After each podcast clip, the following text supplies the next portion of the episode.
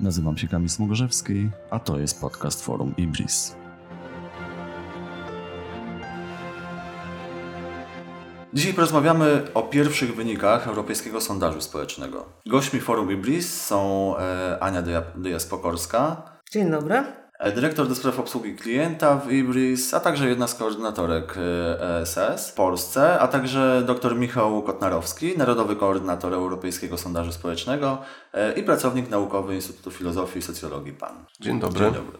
No i tak, na początku lutego poznaliśmy pierwsze e, wyniki dziesiątej rundy Europejskiego Sondażu Społecznego, czyli jednego z największych i najważniejszych europejskich projektów badawczych w dziedzinie nauk społecznych. E, Polacy, podobnie jak przedstawiciele 30 innych, 31 nawet innych krajów, odpowiadali na pytania odnoszące się innymi do demokracji, polityki, migrantów, klimatu e, i osób LGBT. Panie doktorze, dlaczego ESS jest tak ważny dla zrozumienia istniejących mechanizmów społecznych, e, no nie tylko w Polsce, ale i w Europie? E, to ja od razu tak zacznę, że to, tak jak Pan powiedział, że mamy pierwsze wyniki, to nie są pierwsze wyniki, bo mówimy o dziesiątej fali badania, czyli to są już jakby można powiedzieć dziesiąte wyniki.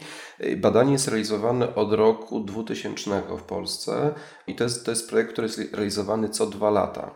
I teraz mówimy o wynikach dziesiątej edycji, czyli to już jest, to już mamy trochę dość duży um, kawałek wiedzy o polskim społeczeństwie zebrany. Ale ten projekt jest ważny z tego powodu, że tak, że on jest po pierwsze y, jest dość regularnie prowadzony w Polsce i równolegle w kilkudziesięciu krajach w Europie.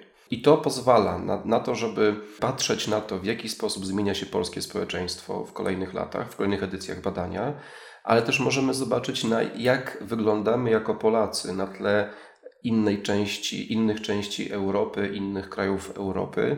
No i pozwala nam powiedzieć, czy na przykład e, to, co dzieje się w Polsce, to są sprawy super unikalne, jesteśmy bardzo wyjątkowi, czy też wcale nie. Są to procesy, które są uniwersalne i są podobne jak, jak w innych krajach.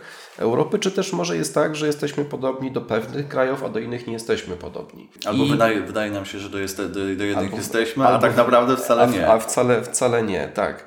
Więc jakby to jest pod tym względem dostarcza nam dużo takiej wiedzy o tym, jak wygląda polskie społeczeństwo na tle społeczeństw europejskich i także w ogóle jak, jak Europejczycy wyglądają.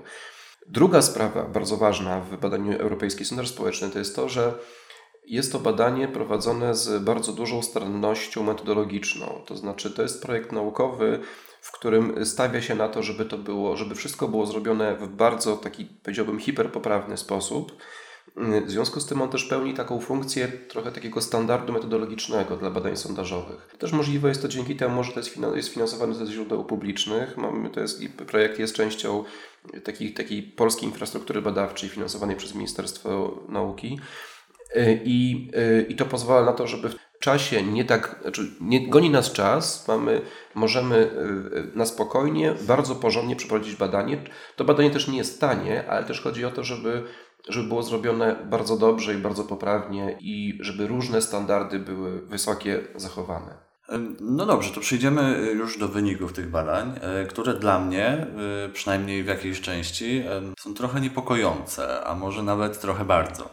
Dlaczego? E, bo tak, zainteresowanie polityką deklaruje połowa Polaków, 50%. Ale już przekonanie, że system polityczny umożliwia zabieranie głosu w sprawie działań rządu wyraża co czwarty badany. Partię lub organizację społeczną wspiera 9% Polaków. To pewnie się domyślam, że raczej organizację społeczną większa część z tych 9% niż partię. W demonstracjach uczestniczy 12%, przynajmniej tak deklaruje. No i coś, co mnie zdziwiło najbardziej, czyli e, jako komentujący w internecie zadeklarowało się 16% respondentów. E, a przecież od lat się mówi, że przynajmniej wśród młodych ta aktywność polityczna i społeczna w zasadzie przeniosła się do internetu niemal, niemal w całości. Z kolei niedawne badanie e, Ibris dla Radia Z, niedawne, bo ze stycznia, pokazało, że prawie 62% Polaków uważa, że polskie instytucje próbują ograniczyć wolność słowa w Polsce. No i się zastanawiam, czy możemy postawić taką hipotezę, że polskie społeczeństwo jest już tak zmęczone obecnym stanem demokracji, e, że rezygnuje z tej aktywności w, w, mechanizmach, a może przeciwnie, może te, te wyniki e, i badania SS-u i innych badań tak naprawdę pokazują, że z roku na rok jest coraz lepiej, a my, naukowcy, eksperci, mamy trochę za duże wymagania względem społeczeństwa. Wiesz, jak tak mówisz, y, prawda, że jesteś zaniepokojony, to muszę powiedzieć, że ja miałam podobne odczucia, prowadząc niedawno y, badania IBRIS na temat y, życia mieszkańców w jednym z kluczowych regionów Polski, no, obejmującym co najmniej, wydaje mi się, 25% ludności naszego kraju. I tam rozmawialiśmy dużo o tym, właśnie o udziale w życiu społecznym, o kontakcie z władzą lokalną, o różnych akcjach, które e, ludzie samodzielnie się e, chcieliby ewentualnie angażować. Wynik e, no, był taki, który potwierdza tutaj te rezultaty uzyskane w badaniu SS. Co prawda jest to wynik jakościowy, mm, ale takie wyniki właśnie pozwalają nam zyskać jakieś głębsze, ciekawe insighty tłumaczące właśnie te, te, te wyniki, które z, z badań takich jak ESS y, y, można uzyskać. I tak taką sferą, na którą mieszkańcy y, regionu najbardziej narzekali, to było znikome poczucie wpływu na cokolwiek. I wydaje mi się, że Tutaj, po takiej analizie też tych danych e, pogłębionej, e, jest źródło i początek wszystkich problemów w naszym kraju, aczkolwiek z kolei, ja muszę powiedzieć, tutaj może pan doktor to bardziej skomentuje, że to poczucie wpływu, również mierzone w ESS, jest dość niskie we wszystkich e, krajach Europy. Natomiast no, w Polsce, Polska należy do tych krajów, gdzie to poczucie wpływu e, jest e, faktycznie zdecydowanie niskie. Dlaczego ono jest niskie? I to jest bardzo ciekawa rzecz.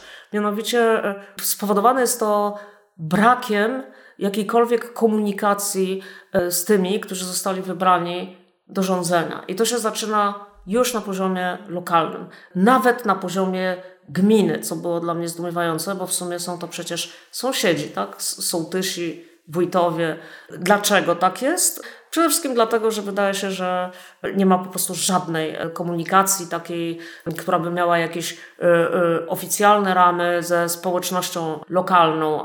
Nie wiadomo, gdzie szukać tej informacji. To są jakby dwa oderwane życia. Życie ludzi i życie administracji. W momencie, kiedy się pojawia jakiś problem, nawet na takim lokalnym szczeblu ludzie są bezradni. Dlatego zniechęcają się, właściwie już na samym początku, do uczestnictwa w życiu społeczeństwa, bo no skoro ja nie mogę zrobić nic, e, jak to powiedział jeden z respondentów, w sprawie ulic jednokierunkowych, które bardzo utrudniają życie w moim mieście, malutkim, to jakżeż ja mogę zrobić coś na poziomie całego kraju?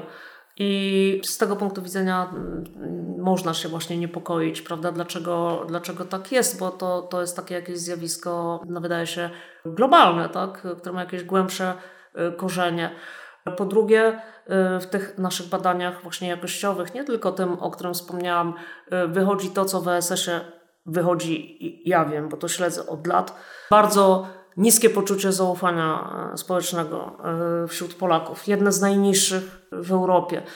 Nie ufamy sobie, nie sądzimy, że ludziom należy wierzyć i pomagać, nie patrząc na e, własny interes. Aczkolwiek oczywiście teraz napływ imigrantów na pewno coś tutaj też zmienił. Także mm, potwierdzam w dużej mierze to, co Kamil powiedziałeś, na pewno jest problemem. Panie doktorze, proszę się z nami nie zgodzić. Trochę się, trochę się nie zgodzę, czy nie, raczej się zgodzę, ale też trochę coś jeszcze chciałbym do tego dodać. Bo tak, bo może tak zacznę, że ISS pozwala, Europejski Sondaż Społeczny, pozwala na to, żeby te liczby, które otrzymujemy w danej edycji, zestawić w kontekście tego, jakie, jakie parametry były w poprzednich edycjach badania i jak wypadamy na tle Europy. I teraz tak, odnośnie tego, o czym mówiła Pani Ania, że my rzeczywiście mamy na tle Europy mamy dość niskie te poczucie wpływu. I no, można powiedzieć tak, że na podobnym poziomie są Hiszpanie, e, natomiast no, takie kraje mm, jak, jak, jak Niemcy, Szwecja, no to jest, to jest, czy Francja to jest, to jest dużo wyżej niż my. I ten poziom wpływu u nas jest, to jest coś takiego, że około 20% o nas mówi, że, że ma poczucie wpływu na politykę. W tej powiedzmy starej części, tej, półno, tej północnej i zachodniej części Europy to jednak mówi około 40-50. Czyli jednak tam to trochę inaczej działa. Znaczy to nie jest tak, że nie ma ym, kryzysu z, z takim wpływem w Europie. Jest, trochę jest. Natomiast u nas jest ten kryzys poważniejszy. E, ale też jeżeli porównamy dane ISS-u z tej edycji z poprzednimi edycjami, my widzimy też, że, ten, że to poczucie wpływu spada. Że to, co obserwujemy teraz, jest dużo niższe niż 3 lata temu i 5 lat temu w edycjach realizowanych wówczas. Także y, tutaj jest jakaś taka dynamika mówiąca o tym, że, że coś tutaj złego się dzieje w, y, polskim, znaczy z, z, tym, z tym, jak się polskie społeczeństwo czuje. A do tego dodałbym jeszcze inną informację, właśnie, że jak, jeżeli porównujemy to zainteresowanie polityką, to to znowu rośnie. Jeżeli znowu weźmiemy pod uwagę te różnego rodzaju aktywności, udział w manifestacjach, komentowanie czegoś w internecie, to podpisywanie petycji, to jest tak, że tak jak Pan powiedział, to jest na niskim poziomie. To ciągle jest jakaś taka mniejszościowa działalność. To jest taka, to są, to są tacy trochę wywrotowcy, którzy takie rzeczy robią jednak w, w, na tle całego społeczeństwa, ale te wskaźniki też rosną. To znaczy my się bardziej interesujemy, my się bardziej angażujemy, tak jakby no, te rzeczy nas bardziej obchodzą, mówię tak o, o, o, całości społeczeństwa, a jednocześnie mamy coraz większe poczucie, że aha, nie, niewiele z tego wynika, nie mamy wpływu na to, co się dzieje. I to jest jakaś taki, taki clash, jakieś takie zderzenie i pewno, co, co pewne jakieś też budzi, może napięcie budzić. To jest, panie doktorze, jeszcze smutniejsza konstatacja, bo wynika z tego, że czym bardziej się interesujemy polityką i trochę bardziej rozumiemy jej mechanizmy, tym mniejsze mamy zaufanie do instytucji demokratycznych. No to można, znaczy to też może, można traktować jako takie też racjonalne, racjonalną reakcję, no bo my rozumiemy, jak to wszystko działa, że to nie jest takie proste, że coś można szybko zmienić. To z drugiej strony może być takim pewnym takim odporem na różne ruchy populistyczne, które mówią, że słuchajcie, to są proste rozwiązania, sprawy są bardzo prosto, można różne rzeczy rozwiązać. No jeżeli, jeżeli sobie też pomyślimy o tym, że ten mechanizm nie jest taki prosty, więc ci, którzy tak nam obiecują, to, to jest, że, że coś szybko i prosto rozwiążą, to jednak może to jest to jest jakiś blef, może to tak jednak tak nie będzie działało. Ale jeszcze jeżeli chodzi o to zaufanie, bo też e, obydwoje Państwo o to, o to zahaczyliście, no to też w danych ISS-u Pani Ania powiedziała, że mamy, my mamy w Polsce niskie zaufanie, a ja bym to jeszcze wzmocnił, mamy coraz mniejsze. W kolejnych edycjach widzimy też, znaczy w tej edycji widzimy, że w porównaniu z poprzednimi edycjami badania ISS e, Polacy są bardziej ostrożni nastawieni do innych Częściej padają odpowiedzi, że inni raczej chcą mnie wykorzystać niż, niż być do, wobec mnie przyjaźni. Więc też w takich relacjach między ludźmi coś takiego się zaczęło się dziać, że, że jesteśmy trochę bardziej obawiamy się innych. Więc coś z taką, że ta nasza tkanka społeczna też, też lekko ewoluuje. Ale też to jest jakby, to jest, to jest fascynujące w badaniu Europejskiej Sondaż Społeczny, że, że my, że dzięki temu, że to badanie jest właśnie powtarzalne, że my możemy takie rzeczy obserwować i patrzeć, jak tego typu procesy wyglądają. Bo jeszcze dodajmy, że kwestionariusze są ustandaryzowane y, w każdym kraju. Tak, to tak, tak wygląda, że przygotowywany jest jeden kwestionariusz y, w centralnie, on jest w wersji angielskiej, potem on jest tłumaczony na języki narodowe, ale też ten proces tłumaczenia jest bardzo szczegółowy, bardzo złożony, z, z, dużym dbaniem o to, żeby jak najlepiej uchwycić pewne niuanse językowe. Tu pani Ania też, też może dużo na ten temat powiedzieć, y, na temat tak. tego procesu tłumaczenia. To prawda, jest, jest naprawdę y, skomplikowane, ale dzięki temu możemy, możemy mieć absolutną pewność, że te pytania mierzą to, co mają mierzyć. I to jest też unikalna wartość y, SS-u. I też jakby specyfika też jest, może jeszcze chwilę o tym powiem, że, mm, że są pewne pytania, są powtarzane we wszystkich rundach. Więc to się nazywa, to nazywa, to się, nazywa się to w ISS-ie Core Questioner. E, natomiast czasami, znaczy w każdej edycji pojawiało się taki, pojawia się zestaw nowych pytań, które, które są specjalnie dedykowane do danej edycji badania i one odpowiadają w jakiś sposób na realne potrzeby, na jakieś na, pro, na problemy, które się w społeczeństwie pojawiają. No i na przykład ten temat, który był, pojawił się w rundzie dziesiątej, o której rozmawiamy, to było postrzeganie demokracji i drugi temat, który się pojawił, to, były, e, to było to, jak się komunikujemy między sobą. I pojawił się wtedy, ponieważ też pojawił się COVID w międzyczasie, no to takim był ekstra, takim modułem były pytania na temat teorii spiskowych i tego, jak się, jak się odnajdujemy w COVID-zie. No to COVID jest całkiem jasny, ale dlaczego akurat w tej edycji e, ta demokracja się pojawiła i to komunikowanie? Czy na, naukowcy i wy jako badacze e, już zaobserwowaliście te procesy wcześniej i, e, i, i przecież jeżeli jest jeden kwestionariusz nadrzędny, no to też w innych krajach musieli zauważyć, że coś może być już y, albo nie tak, albo nastąpiła tak poważna zmiana, żeby w tej edycji ESS-u już uwzględnić te kwestie. To zanim pan doktor odpowie, dlaczego w ESS, to y, może ja y, zacytuję trochę danych Ibrisu, które mogą być w pewnym sensie odpowiedzią na Twoje pytanie.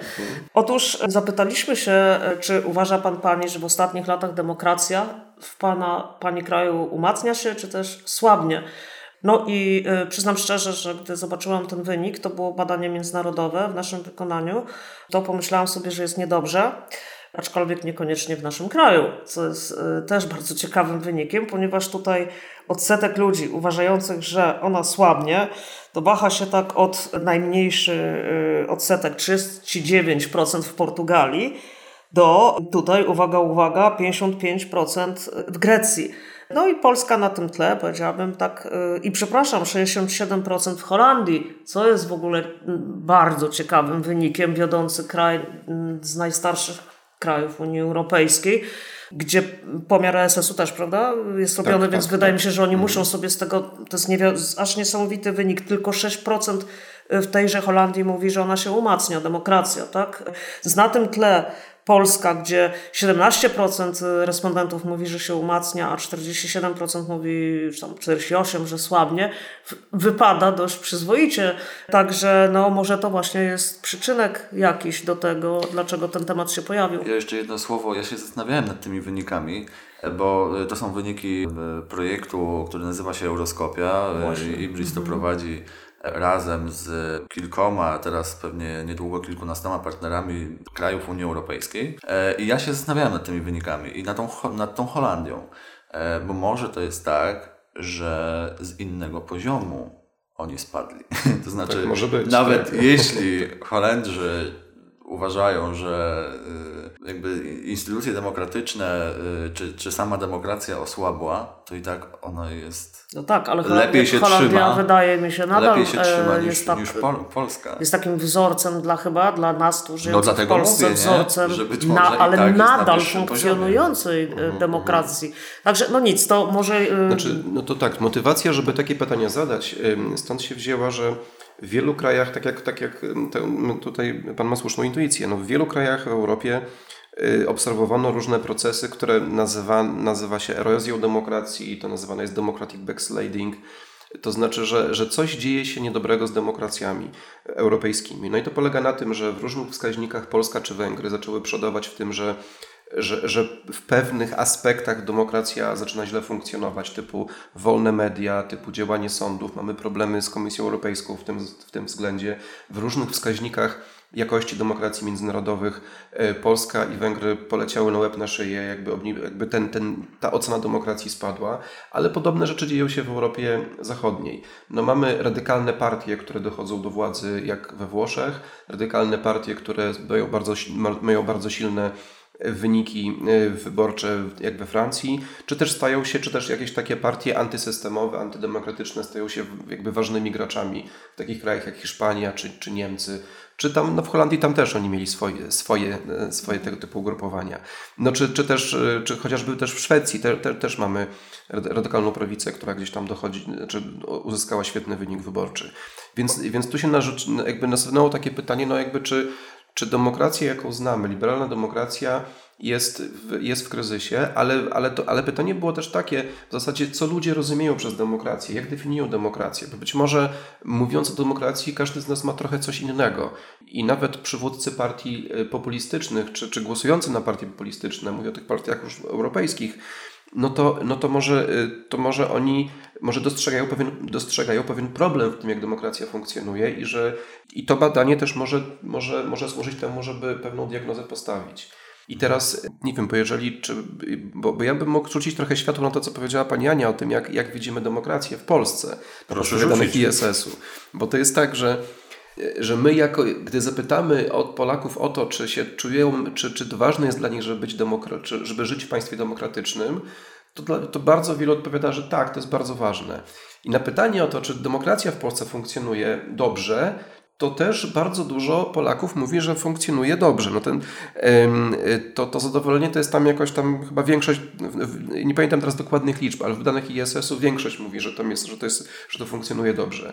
Natomiast różnice, różnice się zaczynają wtedy, kiedy, za, kiedy zapatrzymy na przykład, jak odpowiadają elektoraty partyjne. I się okazuje, że to są trochę y, pod względem widzenia demokracji, to są trochę dwa inne światy. Bo to jest tak, że dla wyborców, powiedzmy, opozycji, Platformy, Lewicy, Hołownia jeszcze nie był wtedy w tym badaniu uwzględniony, no bo to było, pytaliśmy o głosowanie w poprzednich wyborach. Demokracja kojarzy się głównie, to są, y, to są wolne wybory, tak? To są wolne media, sądy i w zasadzie i tyle. To są te procedury demokratyczne. Natomiast dla wyborców Prawa i Sprawiedliwości to wybory tak, jak najbardziej, e, e, sądy jak najbardziej, żeby były równo traktowały wszystkich. Media to już tak może niekoniecznie, natomiast to, co jest ważne, to żeby chronić przed, przed ubóstwem, żeby zwalczać nierówności, czyli coś takiego, co e, nie jest samą procedurą demokratyczną, ale takim wynikiem, czemu ta procedura demokratyczna ma służyć. Czyli to trochę jest tak, że mówiąc o demokracji, jakby ten, e, to, to jakby można powiedzieć, to plemię pisowskie i plemię opozycyjne mówi trochę o innych rzeczach. I tak jak powiedzmy marsze kodu mówią bronimy demokracji, no to, to zwolennicy PiSu mogliby powiedzieć, ale zaraz, a czego wy bronicie? Wy nie broni, wy, my, my, też bronimy demokracji, a trochę inaczej ją rozumiemy, bo dla nas to nie są, to nie są procedury, tylko dla nas to jest jeszcze to, to co z tych procedur wynika. E, I teraz, a z drugiej strony jeszcze, jak zobaczymy, jak, jak popatrzymy na oceny tego, jak działa polska demokracja, no to dla zwolenników opozycji no to jest kompletna katastrofa w tym, jak demokracja funkcjonuje. Natomiast dla zwolenników partii rządzącej to jest w ogóle kwitnąca, to wszystko kwitnie i jest pięknie. I być może te, te dobre wyniki Polski w tym, w tym badaniu waszym też może z tego wynikają, że one zostały, że tak powiem, jakby z, dzięki, dzięki e, wyborcom partii rządzącej, no bo, bo dla nich to jest, znaczy w ich postrzeganiu świata, no to to jest, tej demokracji niewiele można zarzucić. Ona działa bardzo dobrze. Jest jeden punkt, w którym w zasadzie wyborcy opozycji i partii rządzącej się zgadzają, ocena sądów. E, funkcjonowanie sądów jako taki element demokracji. I to jest coś ciekawego, że że jakby tu jest zgoda, jakby wszyscy podzielają zdanie, że sądy nie działają tak jak trzeba, Czyli to jest coś, co się też partii rządzącej nie udało. E, Czy mogę coś wtrącić? Tak, bardzo proszę. E, bo to jest, e, co prawda miałam tutaj mówić o wynikach Ibris, ale też przeglądałam właśnie ostatnie o. wyniki z ostatniej konferencji ESS-u, która się odbyła bardzo niedawno, 3 lutego. Tak. I tutaj zwróciły moją uwagę fascynujące wyniki zaprezentowane przez panią Monikę Ferin z Universidade da Coruña i Enrica Hernandeza z Universitat Autonoma de Barcelona. Tak. I te wyniki są następujące. W ESS-ie zmierzono, co jest właśnie ciekawe, zarówno ważność tak, poszczególnych tak, tak, tak. cech E, dlatego, żeby Jak... można uznać dane państwo, tak, czy w ogóle, że demokracja funkcjonuje, oraz potem oceniono ten tak, aspekt tak, tak. w realu, tak? tak I tak. dlaczego teraz y, się wtrąciłam, bardzo przepraszam za bardzo to, proszę. mianowicie, że y, wydaje się, to jest fascynujący wynik, że to, czym my żyjemy tu w Polsce, kwestia sądownictwa, oceny funkcjonowania sądów, która wydaje się nam, prawda, taka unikalna dla Polski, że że tutaj są spory, że coś jest na rzeczy, że coś mhm. jest może nie tak, nie chcę definiować co, tak, ale że coś tu nie gra, no to, to w trakcie tej prezentacji po pierwsze, chcę powiedzieć, to jest niesamowicie zaskakujący dla mnie wynik. Jest to najważniejszy wymiar postrzegania demokracji, to znaczy dla wagi demokracji, który jest sformułowany następująco, aby sądy traktowały każdego tak samo. Mhm. Dopiero na drugim miejscu tej wagi jest to, aby y, wybory były y, wolne y, i uczciwe. I to są takie dwa, prawda, wiodące czynniki. I jeżeli chodzi o te sądy i o traktowanie wszystkich tak samo, to w wynikach uśrednionych dla wielu, wielu krajów, ponad 15 y, na pewno tutaj z ESS-u, tu obserwujemy największy rozziew gdzie na skali od prawda, 0 do 10 ta, ta waga jest określana jako powyżej 9, a realna ocena na poziomie 5, tak? Czyli tak, no to, nie, to nie ja ma takiego rozsiewu w żadnym innym z wielu ciekawych, no nie mam teraz tutaj aspektów innych uwzględnionych. To ja do tego mogę coś dodać, że ten roz, ten, ta ocena w całej Europie jest na poziomie 5, a w Polsce jest na poziomie 3. Więc jeszcze gorzej. Ale tak, ale tutaj nie jesteśmy, znaczy, ale w no, tym, ale że wynik źle... ośredniony tak, tak pokazuje, tak, że... Tak, tak, znaczy to jakby pokazuje, że my jesteśmy, jakby problemy z sądami nie są unikalne. To tak. jest coś, co się pojawia jakby w prawie wszystkich europejskich społeczeństwach, jak nie wszystkich. Natomiast u nas jest, może to, co jest u nas trochę unikalne, że u nas ta ocena jest jeszcze gorsza niż, niż gdzie indziej. Natomiast ten, ten rozdziew między tym, jak, uznaj, znaczy jak ważne to jest, a jak, jakby, a, a jak to źle działa, jest, y, jest wszędzie duży. I to jest jakby mm, z tych różnych wymiarów, które analizowaliśmy, rzeczywiście to jest jeden z największych takich, takich kryzysów, deficytów w funkcjonowaniu demokracji. I tutaj druga rzecz, nawiązując do tego, co powiedział chyba Kamil na początku yy, o Polsce. Tutaj również yy, właśnie w wynikach SS-u no jest, istnieje ta cenna, cenna możliwość e, porównywania, e, sprawdzania dynamiki zmian, mhm, prawda? Mm -hmm. I e, to też zrobiono właśnie na tej ostatniej konferencji 3 lutego i gdzie, obserwowaliśmy, gdzie zaobserwowaliśmy największą zmianę in minus właśnie na wymiarze, tym jednym z wymiarów ważnych dla postrzegania demokracji, media są wolne, tak, i mogą krytykować rządy, tak, ten wymiar brzmiał. I y, to jest jedyny poważny, negatywny ruch w ocenie y, tego wymiaru, znowu y, w uśrednieniu dla wielu krajów europejskich. Także Okej, okay. oczywiście znowu mhm, Polska tu mhm. pewnie miała swój wkład w ten wynik. Dość duży, tak? Dość duży. No tak, ale, ale tak, Polska ale... jest jednym z tu z tak, tak, tak, tak. Nie wiem, 15 czy, czy już zmienionych krajów, tak? I to jest jedyny tak duży, więc, więc to też może coś pokazać, prawda, o stanie demokracji. Ja, czy ja bym powiedział tak, że tutaj, że, że, że my pewne procesy właśnie obserwujemy uniwersalne w Europie, te, o których pani Ania mówi, a z drugiej strony y, niektóre z nich, tak jak te, tak jak te media i sądy, w Polsce występują jeszcze silniej niż gdzie indziej. Ale też, ale w tym sensie to nie jest wyjątkowe, że to jest tylko u nas tak. E, że, że, jakby, że jest tego typu problem. Tego typu problemy są też w innych krajach z demokracją, natomiast u, one, u nas one są w jakimś większym nasileniu niż, niż, niż w innych krajach. Jeszcze tylko jedno no, słowo, dosłownie bardzo. jeden wynik, który y, tak. ostatni już może w tym wątku, który wydał mi się bardzo ciekawy. To jest, jak wynika z naszych danych, z pomiaru Zaraz Kamil pewnie możesz dopowiedzieć konkretnie e, z kiedy i, dla, i, i, i jakiego. E, mianowicie taki, że 30% e, Polaków w temacie właśnie demokracji i wymiarów ważnych dla postrzegania demokracji, 30% uważa, że najbliższe wybory w Polsce mogą być sfałszowane. No, mhm, jest to po mhm. prostu też wynik, moim zdaniem, dramatyczny, w sensie dramatycznie wysoki. Jeżeli zwróci się uwagę, że tym drugim kluczowym wymiarem oceny demokracji jest właśnie wolność i uczciwość i niezależność wyborów. I to jest też taki wynik, o którym należy pamiętać. To jest jedna trzecia społeczeństwa. E, to też się pojawiało w naszych badaniach jakościowych, które przeprowadzamy e, cyklicznie co kwartał że Polacy rzeczywiście coraz może trochę mocniej obawiają się sfałszowania wyborów, ale konsekwencja jest taka, że to demobilizuje, no powiedzmy, elektorat, który bardzo chciałby zmienić władzę. 12% e, ludzi twierdzi, e, dokładnie z tego samego badania Polaków, że nie warto głosować y, w wyborach, y, które mogą być sfałszowane. No, jeżeli sobie no tak, tak. weźmiemy te 12%, przekładając na głosy. To jest bardzo dużo, tak. Samo, sam komentarz sam nasuwa. Tak. E, dobrze, jak jesteśmy przy mediach, to przejdźmy do drugiego, y, do drugiego tematu, który chciałem poruszyć. Mianowicie właśnie w mediach przez lata obserwowaliśmy, jak dziesiątki albo i setki pontonów dopływały do wybrzeży Włoch E, Hiszpanii. To było daleko.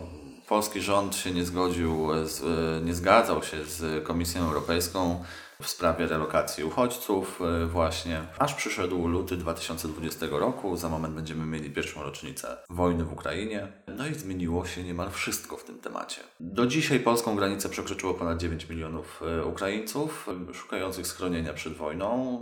Większość na jakiś czas, bo wyjechało, e, wyjechało w tym czasie pewnie teraz 7 300, 7,5 miliona. No ale te 9 milionów realnie było w Polsce przez jakiś czas. Czy oni wyjechali później dalej na zachód, czy zostali tutaj na jakiś czas?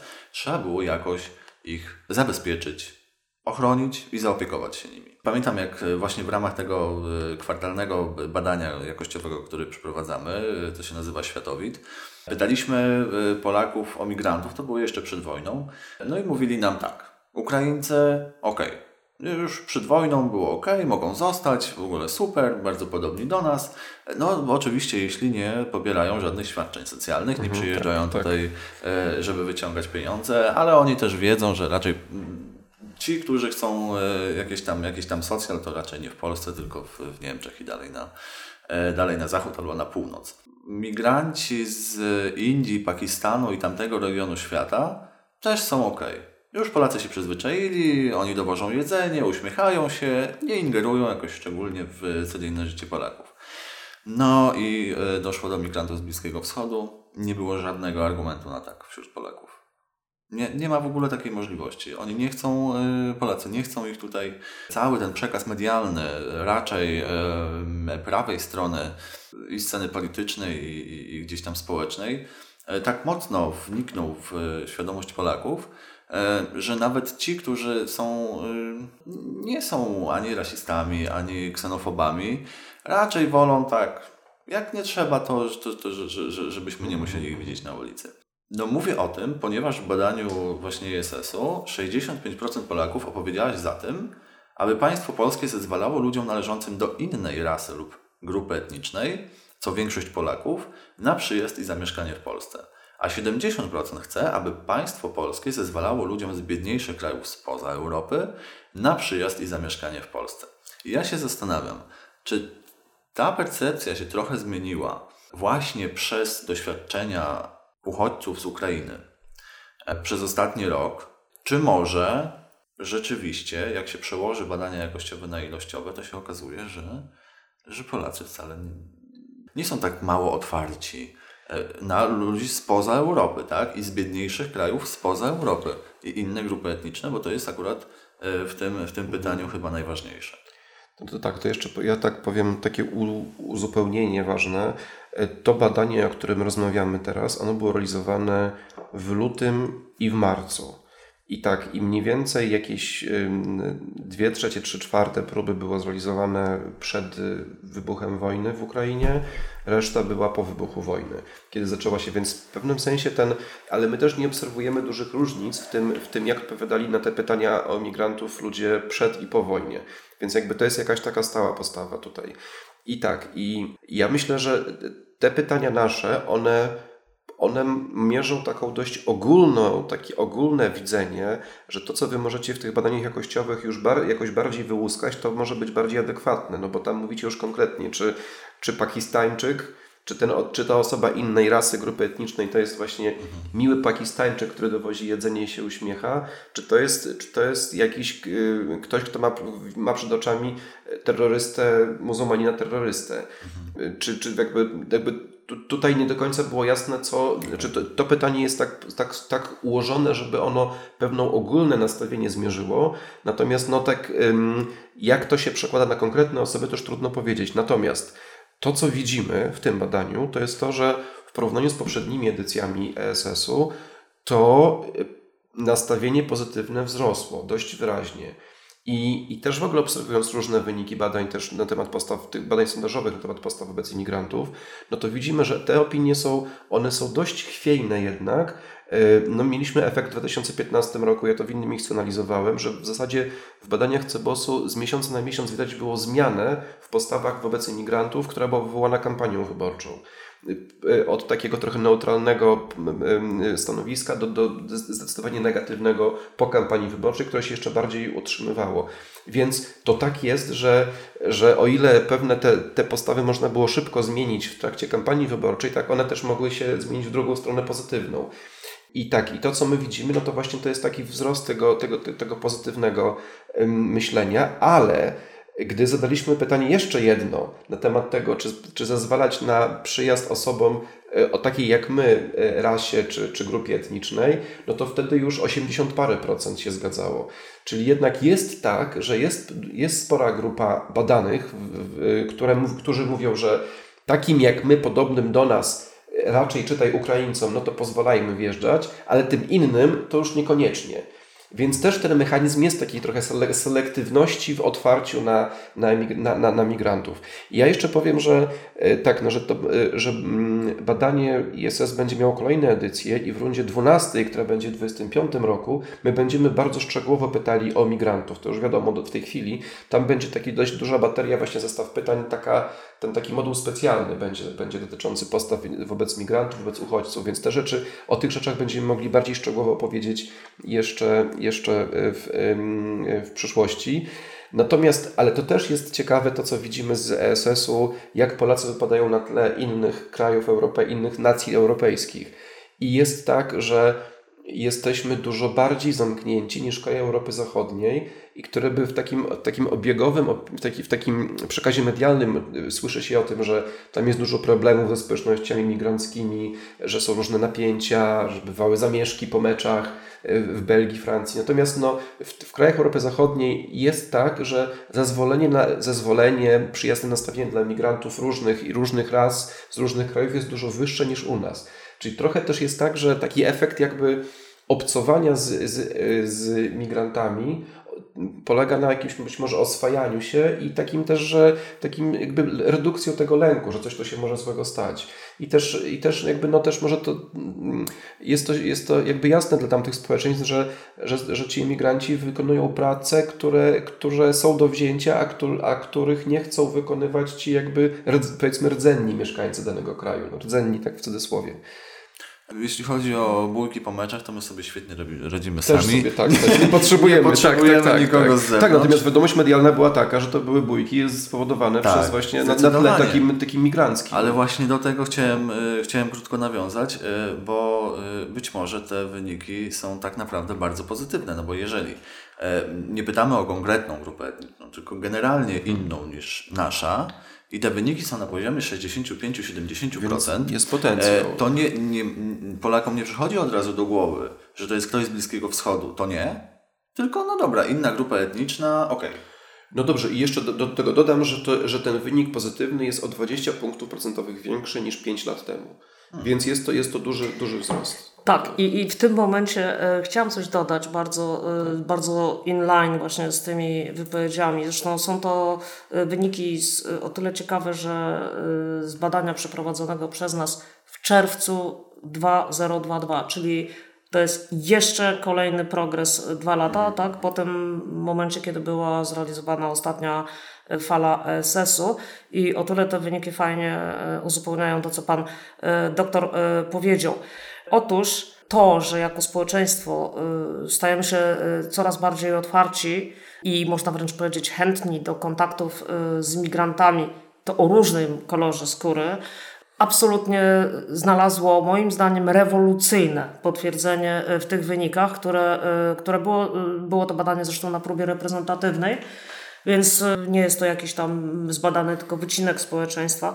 Tutaj może takich kilka, tak jak mówię, moim zdaniem rewolucyjnych e, cyfr e, zacytuję. To znaczy, na przykład ponad 80% Polaków zdecydowanie lub raczej zgadza się z, ze stwierdzeniem, że uchodźcom należy się pomoc humanitarna niezależnie od ich etnicznego pochodzenia. Tutaj y, kolejny wynik. 30% deklaruje, że y, widzi y, ewentualnie coś złego w małżeństwie z, z Afrykaninem lub Azjatą, ale 69% twierdzi, że nie ma w tym nic złego, nawet gdyby dotyczyło jego najbliższej e, rodziny. Wszystkie te e, postawy, mierzyliśmy zmiany od roku 2015-2015, e, wszystkie te zmiany świadczące o progresji, o większej tolerancji w stosunku do imigrantów, to są zmiany od rzędu od 30 do 50 punktów mhm. procentowych. Niewiarygodnie tak, tak. duże zmiany. I teraz e, kto e, tutaj e, w tych zmianach, jakie grupy wiodą? No niewątpliwie wszędzie pojawia nam się grupa w analizie 18 do 29 lat. 8 do 9 młodych ludzi, czy to jest 90% praktycznie, dostrzega w Polsce i deklaruje, że je dostrzega, przejawu rasizmu, przejawy rasizmu i yy, braku tolerancji. No, co za tym idzie, oczywiście zapewne idzie jakaś gotowość do no, przynajmniej pasywnego y, może y, zwalczania tak, y, tego typu postaw. I już ostatnie cyfry. Imigracja dla Polski jest korzystna, ponieważ bardzo wielu Polaków wyjeżdża z Polski. Jeszcze w 2015 z tego typu stwierdzeniem zgadzała się zaledwie jedna trzecia naszych tutaj krajan, natomiast obecnie to jest ponad 50%, tak? którzy tutaj oceniają to zjawisko jako korzystne. W Polsce mieszka obecnie zbyt wielu imigrantów. 60% Polaków nie zgadza się z tą y, tezą. I taki może ostatni wymiar. Imigranci nic nie wnoszą, tylko żyją na koszt naszego społeczeństwa. Ile osób tutaj się z tym zgadza? 23%. W 2015 to było 36% e, i tak dalej, i tak dalej. E, również zagroże, e, zagrożenie terrorystyczne, co prawda tutaj to jest nadal ponad 40%, ale to jest spadek o 18 punktów procentowych. Także naprawdę tutaj obraz takiego progresu jest ogromny i my tutaj w naszej mm, tezie stawiamy, że e, stawiamy wniosek, że ma to przede wszystkim e, ogromny związek z życiem takim właśnie w takim realu i z realnymi kontaktami. I tutaj te zmiany z migrantami. I tutaj te zmiany są absolutnie no, kluczowe i bardzo duże. Otóż, czy w miejscu, w którym pan, pani mieszka lub pracuje, można spotkać osoby pochodzące z Ukrainy 92%? Czy osobiście zna pan czyli rozmawia lub kontaktuje się, choćby przelotnie, z osobami pochodzącymi z Ukrainy 73%. I analogiczne odsetki dla osób z Azji, yy, czy można spotkać 45%, czy zna i, i kontaktuje się 22%. Dla osób z Afryki, yy, czy można spotkać 39% Polaków, spotyka 17% się regularnie kontaktuje. No, są to e, w porównaniu z, e, tutaj dla Afryki, mieliśmy porównanie dla 2015 roku, to było 4%. No, e, wiecie Państwo, to są, to są, to są takie zmiany behawioralne, no, które muszą spowodować większą No, ja bym do tego dodał jeszcze, że to jest dopiero początek, bo teraz jest tak, że dzieci w szkołach, w zasadzie każde dziecko w szkole publicznej ma koleżankę, kolegę z Ukrainy w klasie. I ta, i ta takie przyzwyczajenie się do inności, do tego, że mamy ludzi z innych krajów, którzy trochę inaczej mówią, z innej kultury, no to, to, to, to już jakby w tych, w, jakby w, dojrz, w dojrzewaniu, w dorastaniu tych dzieci, to już będzie taka, taka normalna, naturalna rzecz, że mamy kogoś, kogoś takiego, kto nie jest Polakiem w klasie. Więc te kolejne pokolenia też będą, mam wrażenie, że też bym tak się spodziewał, że też będą zupełnie inaczej na to patrzyły, że, że to, co widzimy teraz, to, to jest tylko początek pewnego jakby większego procesu, ale takiej no, otwartości na to, że na, na inność, otwartości na, na, na ludzi z, z innych części świata. Bardzo się cieszę, że tak pozytywnie teraz się zrobiło. Moglibyśmy rozmawiać e, o tych wynikach, e, jak słyszę i widzę, pewnie do wieczora. A to skłania mnie do myślenia, że może pan doktor jeszcze zechce drugi raz do nas e, zawitać Oczywiście. na rozmowę o kolejnych obszarach badania Europejskiego Sondażu Społecznego w kontekście innych badań i w kontekście w ogóle społecznym. Dzisiaj już dziękuję. Naszym gościem był dr Michał Kotnarowski i Ania Dyjas-Pokorska. Ja się nazywam Kamil Smogorzewski. Dziękuję i zapraszam na dziękuję. następne nagranie. Dziękuję.